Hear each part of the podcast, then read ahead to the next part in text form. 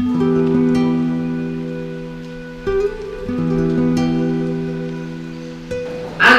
kalau dengan saya syukur kalau enggak ya wis.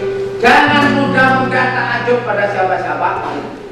Jangan mudah-mudah minta dipuji atas prestasimu. Ya, omong kosong. Orang yang memujimu omong kosong karena kamu sebetulnya tahu tentang kekurangan-kekuranganmu. Betul? Jangan punya pikiran itu. Maka orang mungkin jadikan dengan saya, Pak, saya kok nggak takjub gitu. Buat apa takjub? Begini saya dunia takjub. Nih, betul.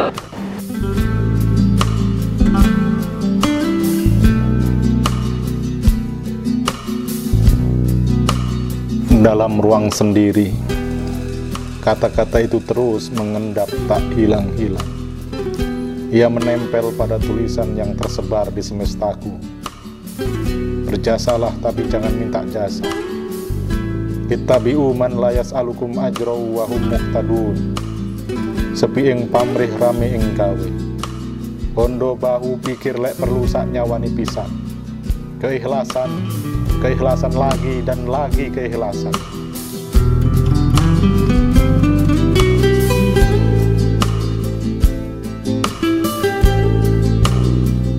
Lalu melalui pesannya, rapotku aku baca.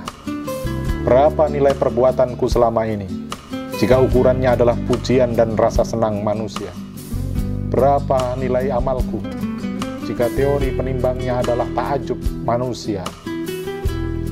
Semakin kosong dari mencari tepuk tangan manusia, semakin tinggi nilai amalnya. Semakin kental aroma kehendak untuk mendapat kerelaan manusia, semakin rendah dan merah pula angka amalnya.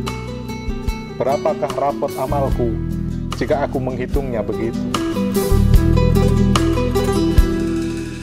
Oh, omong kosong seperti katanya. Aku tahu sebenarnya berapa bobot amalku itu.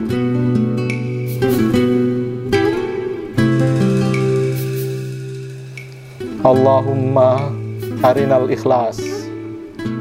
Sudah lama pesan itu kita dengar. Meski para pendatang kemudian membawanya lagi. Sebab kebiasaan hati bergoyang-goyang di jalan waktu. Karena itu yang membutuhkan pemberitahuan-pemberitahuan baru. Setidaknya meski goyangannya tidak bisa kita hentikan, ia tidak sampai menjatuhkan penumpangnya. Sehingga amal yang sudah lelah letih diberikan padanya harus hangus gosong terbakar oleh upah rasa suka manusia. Terlalu sia-sia, terlalu sia-sia jika hanya itu kehendakmu menjalani waktunya.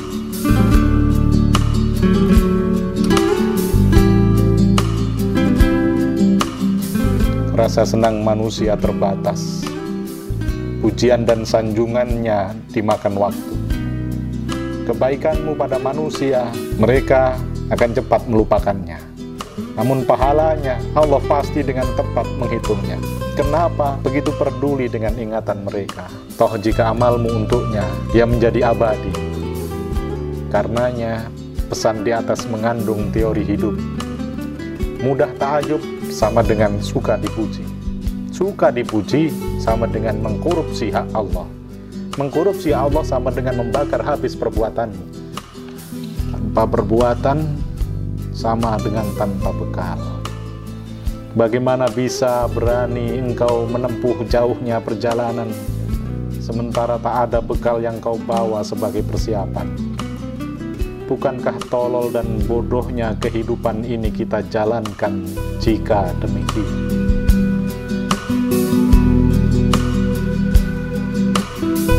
Simak sajalah nasihatnya. Siapa tahu yang menjadi air yang menyiramimu di tengah teriknya lomba pamer-pamer di panggung aksi unjuk gigi untuk pengakuan demi pengakuan yang karenanya kita tertipu habis-habisan.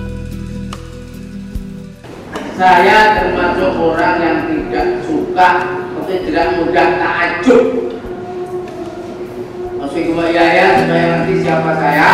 Saya ini tidak mudah dan tidak suka takjub pada orang yang berprestasi dan saya juga tidak takjub, tidak mudah kalau mendapat ujian, saya nggak mudah memuji atau takjub.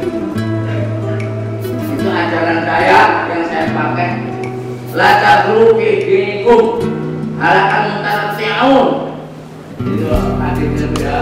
La tughalu fi din. Jangan kamu menandingi orang. Dan kamu jangan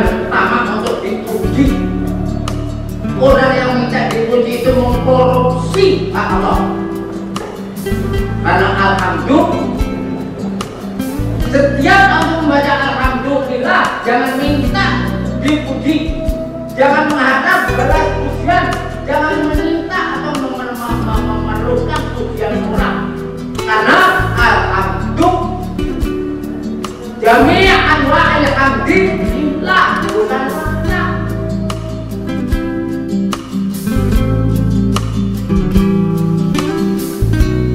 Jejak langkah. 1903 024